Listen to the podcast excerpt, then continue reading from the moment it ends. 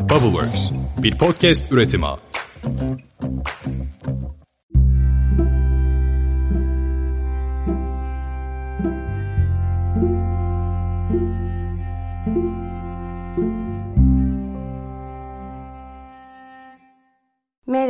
Ben Dilara. Ditopik Düşünceler Podcast'te bu hafta biraz Instagram'dan beni takip edenlerin de iyi bildiği gibi seyahatlerimden yola çıkan bir konudan bahsediyor olacağım. Eğer beni Instagram'dan takip ediyorsanız biliyorsunuzdur ki geçen hafta bir seyahatteydim. İki şehir yaptık, Viyana, Prag. Önce Viyana'ya gittik, daha sonra trenle Prag'a geçtik. Prag'dan esintiler getiriyor olacağım size. Şehirden bahsetmeyeceğim ama şehrin bana getirdiği bir deneyimden bahsedeceğim. Gidenler de çok iyi biliyordur ki Prag masal gibi bir şehir. Karşınıza nerede ne zaman neyin çıkacağını bilemiyorsunuz. Çoğu Avrupa şehri de böyle zaten ama açıkçası Prag şehrinin bu kadar masalsı olacağını beklemiyordum. Hatta köprülerinden birinde yürürken dedim ki ya Franz Kafka'nın Kafka olmasına şaşırmamak lazım. Böyle bir yerde yaşayıp böyle bir şehirden ilham aldığına göre. Gerçi belki Kafka'ya sorsak Kafka böyle bir şey söylemez der ki hiç de bile yani Prag kasvetli bir şehir. Her neyse Prag'dan bahsetmeyeceğim dedim. Geldim yine uzun uzun Prag anlatıyorum.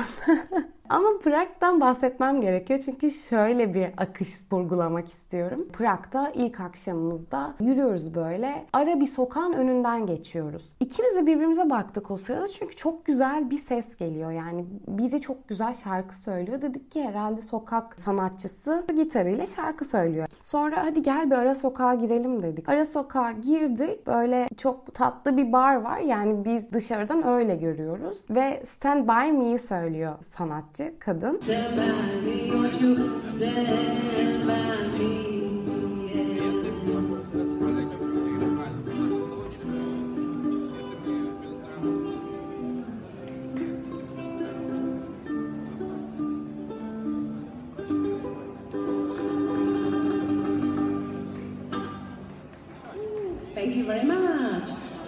Da güzel söylüyor. Ben tabii böyle mest olmuş bir şekilde baktım. Tağla dedi ki gel dedi içeride dinleyelim. Bir bira içeriz. Ve işte içeri girdik. Yani dışarıdan büyülü göründüğü kadar büyülü değildi barın içi. Ama tabii ki kadın blues sanatçısı olunca bizi mest etti. Biramızı aldık. Kadını dinledik. Gitarist de çok iyiydi. Elektro gitar da çok iyiydi. Blues deseniz harikaydı. Stand By Me ile bizi kendine çeken bardan dışarı çıktık. Biramızı bitirdik. Yaklaşık yaklaşık 6-7 şarkısını dinledik. Dışarı çıktık, adımımı attığım an karşımda The World of Banksy sergisini gördüm. Yani kapısı farklı bir sergi olduğunu anlatıyor çünkü ledli bir şekilde The World of Banksy yazıyor. Exhibition olduğunu anlıyorsunuz çünkü bir yanında da bir tane böyle pankart gibi bir şey var ama böyle alışıla gelmiş sergi anlatısından çok farklı duruyor. Ben dedim yarın buraya gelmeliyim. Bahsettiğim ertesi günkü programımızda bayağı sıkışık ve işte Tağla şey diyor bilmiyorum ki gelebilir misin? Aslında The World of Banksy'yi biliyorum ama Prag'da olduğunu bilmiyordum. Çünkü birçok şehirde oldu. Milano'da, Barcelona'da, Paris'te, Avrupa'nın çoğu şehrinde, büyük şehrinde oldu. Prag'da karşıma çıkınca ve Banksy severlerden biri de olunca ben kesinlikle bu sergiye gelmeliyim dedim ve açıkçası yakalamışken de kaçırmak istemiyordum. Ve bir anda böyle karşıma çıkınca inanılmaz şaşırdım. Çünkü alışılagelmiş sergi afişlerinden ya da levhası diyeyim, tabelası, levhasından çok daha farklıydı. Eğer beni Instagram'dan takip ediyorsanız aslında paylaştım gece fotoğrafını. Daha çok böyle sanki böyle müzikale çağırıyor gibi sizi. O tarz bir LED yöntemiyle yazı yazılmış The World of Banksy yazısı. Ve nitekim ben sergiye gittim. Stand By Me'den beni Banksy ile karşılaştıran o tatlı pasaj sokağı beni sonunda The World of Banksy sergisinin içine çekmeyi başardı. Sergiden içeri ilk girdiğinizde Banksy'nin karşınıza çıkan ilk eseri Girl with Balloon eseri. Kırmızı balonlu kız. Bu biraz sansasyonel hikayesi olan bir eseri Banksy'nin. Açıkçası tabii ki eseri görür görmez aklıma ilk gelen Barış Özcan'ın YouTube videosu oldu. İlk çıktı çıktığı zaman da Banksy severler hemen izlemiştir Barış Özcan'ın o videosunu diye düşünüyorum. Eğer videoyu izlediyseniz tekrar hatırlayalım. Neden Kırmızı Balonlu Kız eseri Banksy'nin bu kadar meşhurdu, sansasyonelliydi? Biraz bunu hatırlayalım. Girl with Balloon açık arttırmada 8 milyon TL değerinde bir kadın tarafından satın alınıyor. Satın alınır alınmaz da tablo kendini imha ediyor ve o kırmızı balona kadar çerçevenin içindeki bıçaklar tarafından kesilerek bir kısmı çerçevenin dışına çıkıyor. Ve tabii ki müzayededeki açık arttırmadaki herkes şok içinde tabloya bakıyor. Bilmeyenler için bunu YouTube'dan aratabilirsiniz. İnanılmaz bir an. Yani sanat tarihi açısından, günümüz modern sanat tarihi açısından hatta bence tüm dünya sanat tarihi açısından inanılmaz bir an. Ama buradan nereye geleceğim? Hemen Ditopik Düşünceler podcast'inin 3. bölümüne geleceğim. Neden sürekli sergileri geziyorum? Sanat ne içindir bölümüne. Şimdi biz bu bölümde neleri konuşmuştuk? Önce onu biraz hatırlatayım. Daha sonrasında sizden ricam bu bölümü bitirdikten sonra eğer dinlemediyseniz 3. bölüme dönüp neden sürekli sergileri geziyorum? Sanat ne içindir bölümüne dönüp ne istediğimi daha açıklayıcı bir şekilde anlamanız. Bu yüzden rica ediyorum. Yani gerçekten daha rahat anlayacaksınızdır ne demek istediğimi. Şunu söylemek istiyorum. O bölümde biz Karl Marx'ın bir iddiasını açıklamaya, anlamaya çalışmıştık. İrdeleyerek anlamaya çalışmıştık. Şunu konuşmuştuk. Sanat ve sanatçının meta ve yabancılaşma üzerine ortaya çıkan iki teriminin kapitalizm üzerindeki etkisi nedir? Ve Karl Marx şunu söylüyordu. Sanatçının sanatı meta olmuş durumda kapitalizmin etkisiyle, sanatçı da sanata yabancılaşmış durumda. Çünkü kapitalizm sistem bunu getiriyor. Biz de bunu irdelemiştik o bölümde. Şimdi o bölümde bir de şunu söylemiştim. Eğer sanatçı sanatını metalaştırmıyorsa demek ki bir para kazancı derdi yoktur. Yani sonuçta o ortaya koyduğu eseri birilerinin satın almasının derdinde, tasasında değildir. Ya da birilerini beğendirmenin derdinde değildir. Bir şeyi anlatmanın derdindedir. Sanatçı eğer para kazanmanın, cebine para sokmanın, ekmeğini kazanmanın derdinde değilse kolaylıkla sistemin dışında kendi sistemini üretebilir. Aslında biraz bunu konuşmuştuk o podcast'te. Şimdi Banksy'ye dönüyorum buradan. Banksy kimdir? Buna bakalım. Banksy İngiliz olduğu düşünülen bir grafiti sanatçısı. Biraz daha irdeleyelim. Neden İngiliz olduğu düşünülüyor? Başta İngiltere olmak üzere birçok farklı ülkede yaptığı çarpıcı duvar resimleri, grafitiler var. Ve bu grafitilerle ünlenen bir sokak sanatçısı Banksy. O sanat dünyasında çok zor kabul ediliyor. Çünkü müzelerle ve sanat galerileriyle dalga geçiyor. 2010 yılında Time dergisi tarafından Steve Jobs ve Lady Gaga ile birlikte dünyanın en etkili 100 ismi arasında yer alıyor. Bakın hiç kimliğini bilmediğimiz biri Time dergisinin en etkili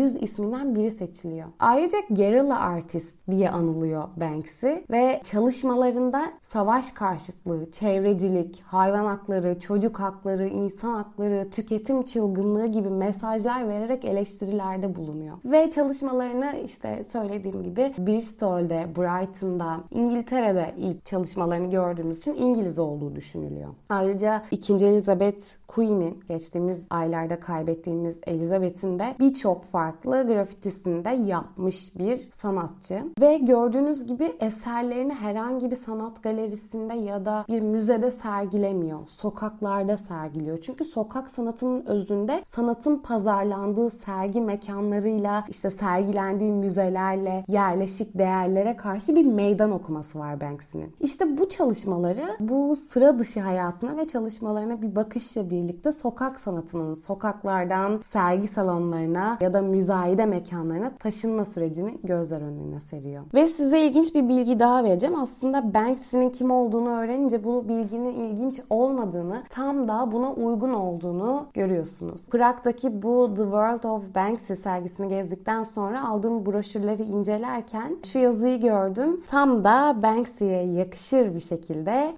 serginin tüm telif hakları açık. Yani telif hakkı yok. Tamamen haklar, serginin hakları herkeste, halkta. Bu da aslında Banksy'nin sisteme, kapitalizme nasıl karşı çıktığını, sadece bu hareketiyle bile nasıl aslında sistemi eleştirdiğini meydan okuduğunu gösteriyor. Buradan işte şuna geliyoruz. Üçüncü bölümdeki podcast'te söylediğimi hatırlayın. Eğer sanatçı ekmeğini kazanmanın derdinde değilse o zaman eserlerini metalaştırmıyor etmiyor. O zaman eserleri sisteme, kapitalizme hizmet etmiyor. İşte Banksy duruşuyla böyle meydan okuyor sisteme. Zaten eserlerinde de bir trolleme var. Sistemi, kraliçeyi, savaşları, tüketim çılgınlığını birçok şeyi trolleyerek, alay ederek resmediyor, grafitileştiriyor. Ve yine aynı bölümde 3. podcast'te şunu söylemiştim. Eğer bir sanat eserinin çöp olduğunu düşünüyorsanız, ya bunu da yapmış ama ne bu ya şimdi, ne manasız bir şey diyorsanız, unutmayın ki o manasızlık, o çöp durumu sanatçının eserine ya da sanatçının kendisine özgü olan bir şey değil. Sistemin günümüzün getirdiği bir şey. Eğer günümüz bunu getirmeye uygunsa yapacak bir şey yok. Sanatçı zaten günümüzden beslenir. Geçmişten ya da gelecekten de beslenebilir ama günümüz şartlarını sanatçı ekarte edemez ve olduğu gibi yansıtır. Eğer sistem böyleyse sistemi eleştirmek gerekir, sanatçı değil. Banksy bunun en güzel örneklerinden biri. Hem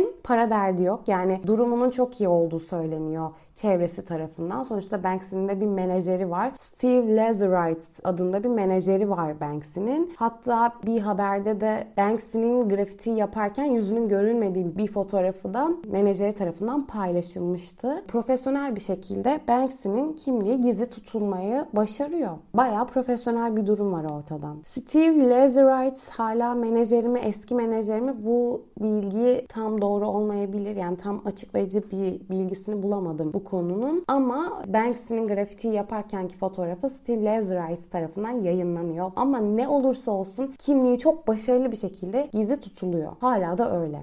Yani Banksy'nin bir duruş olarak kimliğini göstermemesi, eserlerini sokaklarda göstermesi, müzayedelerle açık arttırmayla, çok yüksek meblağdaki paralarla yani 8 milyon TL'den bahsediyoruz. 8 milyon TL gibi rakamlarla alay edercesine insanları açık arttırmaları trollemesi, eserlerinde çok başarılı bir şekilde alaycı bir dil kullanması, bunu sokaklara taşıması, insanları savunması, tüketim çılgınlığı alanına değinmesi bunların hepsi 3. bölümde anlattığımız meta ve yabancılaşma terimlerine de değiniyor. Yani eğer sanatçı günümüz şartlarında geçmişte ya da gelecekte bir para kazanma derdinde değilse işte o zaman sisteme hizmet etmemeye başlıyor. Ve sisteme hizmet etmek istemediği noktada sanatçının en güzel sanatını ortaya koyma yöntemi de performans sanatı oluyor. Yani tek başına bir tabloyu ortaya koyabilirsiniz ama arkasında arkasından gösterdiğiniz tavır sizin sanatınızın performans kısmı oluyor. İşte bu yüzden Banksy sadece bir grafiti sanatçısı değil, aynı zamanda bir performans sanatçısı. Müzayededeki o Girl with Balloon, kırmızı balonlu kız eserinin kendini imha etmesi de performans sanatının ta kendisi. Ve üçüncü bölümde bahsettiğimiz sanatçının sanatını metalaştırmaması, sanatçının sanatına yabancılaşmamasının en güzel örneği. Sanatçı sanat ürününü metalaştırır ve sanatına yabancılaşabilir. Bu sanatçının o noktaya da değinmek istiyorum. Yanlışlığını göstermez. Eğer sistem sanatçıyı bu duruma itiyorsa o zaman sisteme eleştirmemiz gerekir. Sanatçıyı değil, sanatçı her şekilde sanatını ortaya koymak için çabalamalı. Çünkü Banksy'nin durumu iyi de olmayabilirdi. Bundan para da kazanmak zorunda olabilirdi. O 8 milyon TL'ye açık artırmadaki 8 milyon TL'ye çok ihtiyacı da olabilirdi. Ama ihtiyacı olmamasının getirmiş olduğu bir alaycı dille sistemi çok güzel eleştiriyor ve çok güzel bir performans sanatı koyuyor ortaya. İşte benim Prag'daki The World of Banksy sergisine girer girmez adımımı atar atmaz ilk gördüğüm eser olan Girl with Balloon'u gördüğüm an andaki aklımda çakan düşünceler bunlardı. Biraz da sergiden bahsetmem gerekirse sergi tamamen sokak atmosferinde yaratılmıştı. Yani evet siz bir para verip sergiye giriyorsunuz ama yani telif hakları da olmadığı için o paranın Banksy'ye gitmediğinden eminiz. O sergiyi açan kişilere gidiyor. Benim için sergiyi gezen bir kişi olarak o eserlerin canlı canlı bana ulaşması, gözlerime ulaşması açıkçası verdiğim paradan daha değerli. Eğer siz bir para verip bir sergi sergiye giriyorsanız o eserler bir nevi metalaşmış oluyor ve siz o metalaşmaya hizmet etmiş oluyorsunuz. Tamamen yine sistemin içinde oluyorsunuz. Bu durumun sisteme hizmet etmesi de çok umurumda değil. O yüzden The World of Banksy dünyasının içinde olmak benim için daha önemliydi ve o sokak atmosferinde olmak, işte eserlerin değerlenmesi, eserlerin dijital ortamda da değerlenmesi, işte dijital birkaç eserde olması, bunları görmem, bunu deneyimlemem benim için daha değerliydi. Çünkü siz de anlarsınız ki yurt dışında girdiğiniz sergilerin parası yaklaşık 10 euro ile 20 euro arasında değişiyor. Yani böyle 30 eurolar 50 eurolar yok. 10 euro ile 20 euro arasında değişiyor girdiğiniz sergilerin çoğu 10, 12 ya da 20 euro şeklinde oluyor. Yani şunu söylemek istiyorum. Banksy'nin sergisine girdiğim an şunu gördüm. Banksy bu sergiden para kazanmıyor. Ama bu sergiyi işleten ve ayağınıza getiren bazı kurumlar var. İşte o kurumlar para kazanıyor. Bu kurumlarda kapitalizm ve sisteminin aslında basamakları oluyor. Siz meydan okusanız da sisteme bir şekilde sistem kendini bir yerlerde gösteriyor oluyor. Fakat bu sistemin içinde doğmuş bireyler olarak işte bizi rahatsız etmiyor bazı deneyimleri ön plana koymak. Bu yüzden de sisteme hizmet ediyor olmak her zaman da en kötü şey olmuyor aslında. Şöyle de denilebilir. Hani Banksy sisteme hizmet etmiyordu? Hani onun eserleri sokağın eserleriydi, halkın eserleriydi. Ben şimdi niye para verip bu sergiye giriyorum? Aslında çok yerli yerinde olabilecek bir eleştiri de olabilir. Fakat ben gecenin bir yarısı The World of Banksy tabelasını görünce o sokakta bardan çıktığımda dedim ki bir dakika ne oluyor? Çok merak ettim serginin içine bir mimar olarak acaba nasıl tasarlanmış? Çünkü Banksy kendine has biri sokakların sanatçısı ve dolayısıyla o serginin içinin bir modern sanat galerisi gibi olmayacağını zaten öngörebiliyordum ama içeri girip içeride o eserleri deneyimlemek sanki Banksy'ye dokunmak gibi olduğu için ben açıkçası o mimari gözle orada bulunmak istedim. Yani uzun lafın kısası özetlemek gerekirse bazen sistemin içinde olmak çok da kötü bir şey değil. Zaten bunu ne kadar yapabilirsiniz? Biz bu sistemin içinde doğmuş bireyleriz ve belirli yüzdelerde belki bu kafa tutmayı ayarlayabiliriz. %60 kafa tutuyorum ve ben sisteme hizmet etmemeye çalışıyorum diyebilirsiniz. Ama %40 hep orada. Bu yüzdeyi tamamen afaki bir şekilde verdim. Ama hepimiz için bu yüzde değişiyordur. Yine de o yüzde bir bile olsa sıfır değil. Sistem her zaman burada. Aramızda yani. Hatta biz onun içindeyiz. Daha doğrusunu söylemek gerekirse. Banksy'ye tekrar dönersem The World of Banksy sergisinde söylediğim gibi sergi tamamen sokak edasında tasarlanmış. Sanki böyle Banksy bir pasajın içinde bir duvarı grafitileştirmiş, eserini bırakmış ve gitmiş gibiydi. Açıkçası bu durum beni çok doyurdu. Bu arada bunu tekrar söyleyeyim. Banksy'nin Prag'la ve Çekya ile bir alakası yok. Bu sergi sergiyi yapan kurumlar tarafından Avrupa'nın birçok büyük şehrinde gösterilmiş. Hatırı sayılır sayıda ziyaretçi çekmiş. Barcelona'dan Paris'e, Paris'ten Lisbon'a birçok şehirde The World of Banksy sergisi gösterilmiş. Bir de şundan bahsetmek istiyorum. Mesela bu Kırmızı Balonlu Kız eserinde karşınıza eser çıkıyor ama aslında eser tek başına orada değil. Banksy'nin bu eseri resmettiği duvarın hemen yanında bir de her zaman umut vardır yazısı var. Aslında 2002 yılında resmedilen bu resmi Google'da arattığınızda göreceksiniz o duvarda balonu elinden kaçırmış gibi görülen kızın yanında There is always hope yazısı var. Her zaman umut vardır. O yüzden aslında o kızın o kırmızı kalpli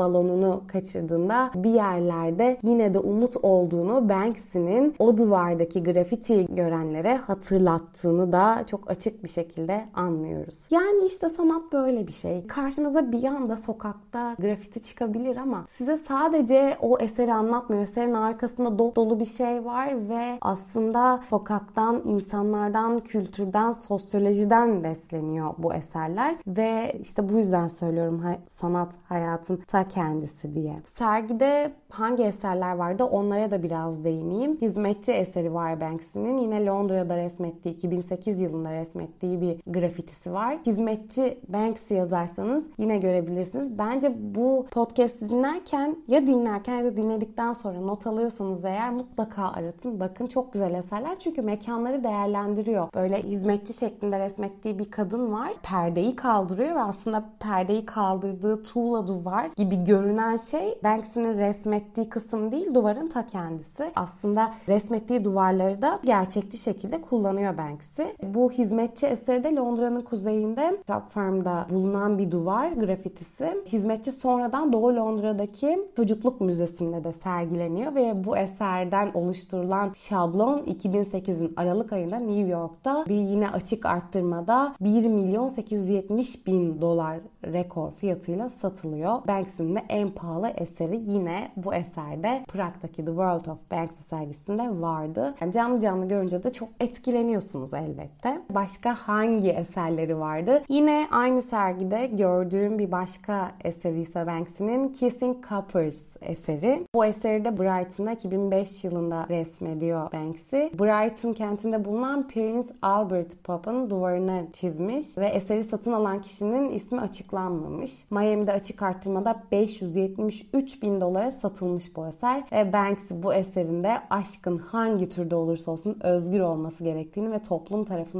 kabul görmesi gerektiğinin altını çiziyor. Bu arada Brighton da Pride'ın en güzel kutlandığı şehirlerden biridir. Onur yürüyüşü zamanlarına denk gelirseniz mutlaka çıkın. Zaten etrafınızda sararlar. Çok eğlenceli, güzel kutlamaların yaşandığı, en güzel yaşandığı şehirlerden biri. Banksy'nin Brighton'ı öylesine seçmediğini görebiliyorsunuz. Zaten kendisi de İngiliz olduğu için Brighton'ın en güzel kutlanan yerlerden biri olduğunu da bildiği için Brighton'a Kissing Coppers'ı bırakmış. Şimdi az önce The World of Banksy sergisinde gördüğüm eserlerden bahsettiğimde size satın alınan açık arttırma fiyatlarını da söyledim. Şimdi aslında bana hemen sormanız gereken soru şu olmalı. Ey Dilara hani Banksy eserlerini metalaştırmıyordu, sanatına da yabancılaşmıyordu? Hani Karl Marx'ın iddiasına karşı gelen bir isimdi, belki de tek isimdi. E madem tek isimdi bu hem menajeri olup hem de belli ki bir ekibi olup açık artırmada bu kadar büyük rakamlara satılan eserler nasıl sisteme hizmet etmez? Çok güzel bir soru. Hizmet ediyor. Yani evet benim bu gittiğim serginin parası belki direkt olarak Banksy'ye dönmüyor ama Banksy'nin bir ekibi var, bir menajeri var ve açık arttırmalarda eserleri çok yüksek miktarlara satılıyor. Yani aslında şöyle Banksy'nin hem bu durumu desteklediğini hem de tam tersi bir şekilde oluşumların içinde yer aldığını görüyoruz. Müze ve sanat galerilerini eleştirel bir tavırla gerçekleştirdiği ve illegal yollarla müzelere bırakıp yerleştirdiği işleri de var. Ama başka bir taraftan Banksy'nin çok büyük bir ekiple gayet profesyonelce menajerinin de olduğu bir şekilde takım çalışması olan tasarımlarını ve kendi oluşturduğu özel mekanlarda işlerini sergilediğini de biliyoruz. Ticari manada ise işlerini pazarlıyor. Özel bir ekiple çalışıyor çünkü ve menajeri bahsettiğim Steve Lazarides aracılığıyla da çalışmalarını açık arttırmada ve sanat galerilerinde koleksiyonerlerle buluşturuyor ve gayet astronomik fiyatlara satıyor. Yani aslında Banksy sergileme alanları konusunda kesin bir çizgi çizmiş durumda değil. Bazen illegal bir yolla eserini bir sergiye yerleştirebiliyor. Bazen sokağın ortasında gizlice resmedebiliyor. Ve aslında da çoğunlukla sokağa resmediyor eserlerini. Ama bir yandan da gayet satış amaçlı adımlarda da bulunuyor ve açık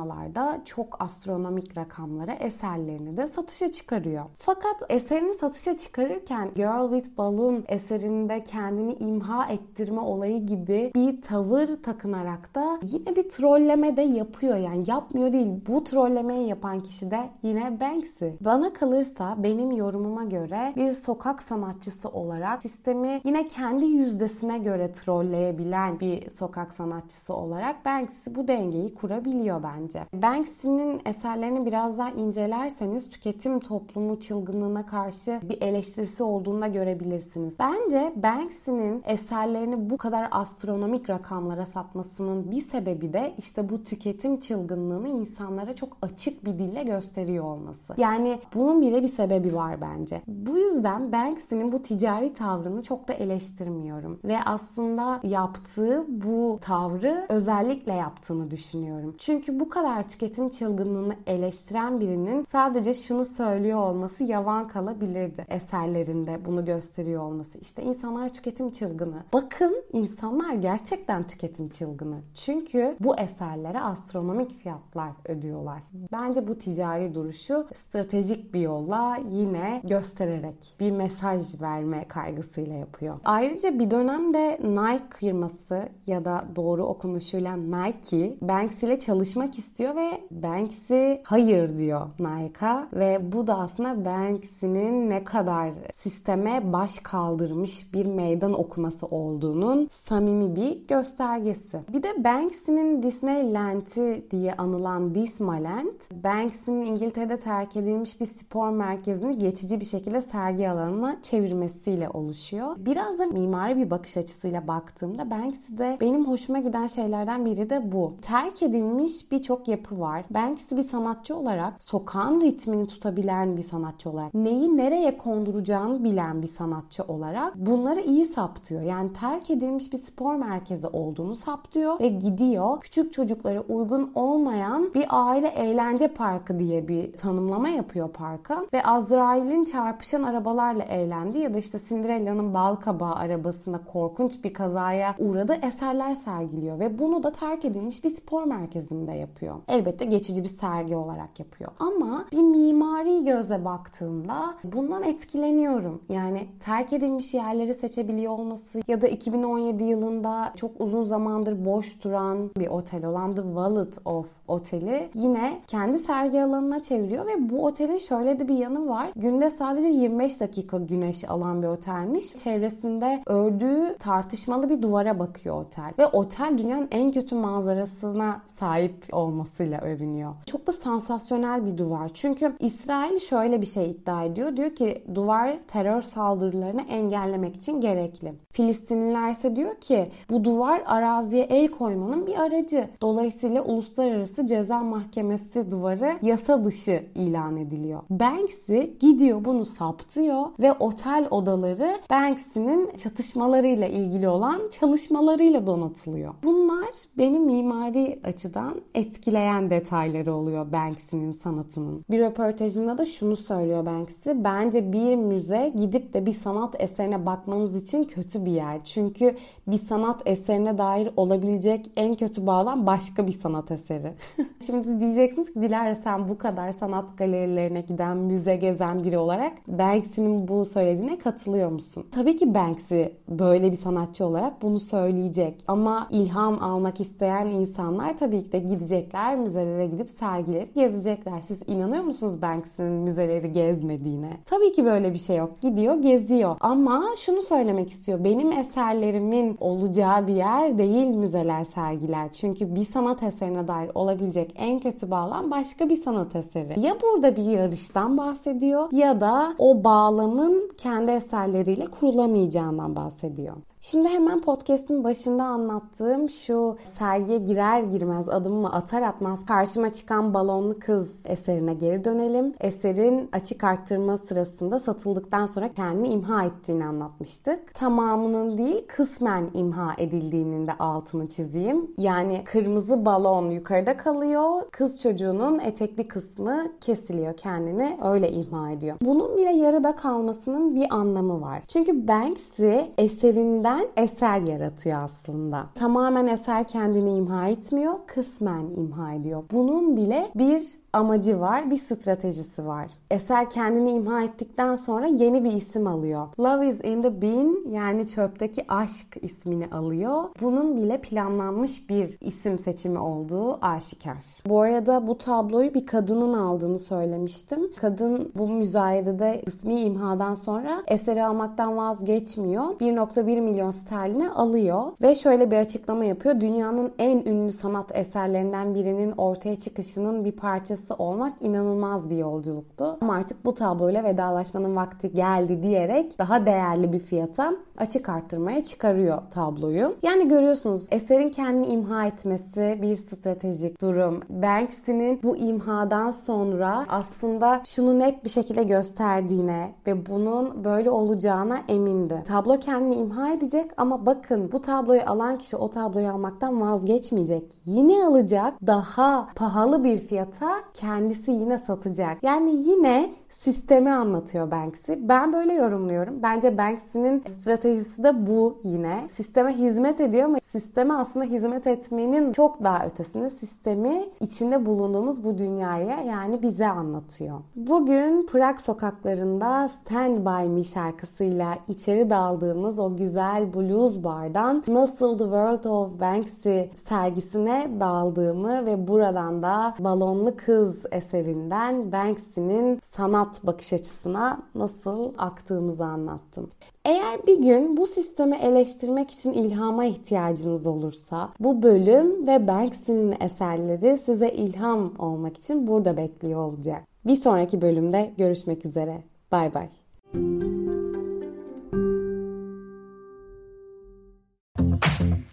Bubbleworks bir podcast üretimi.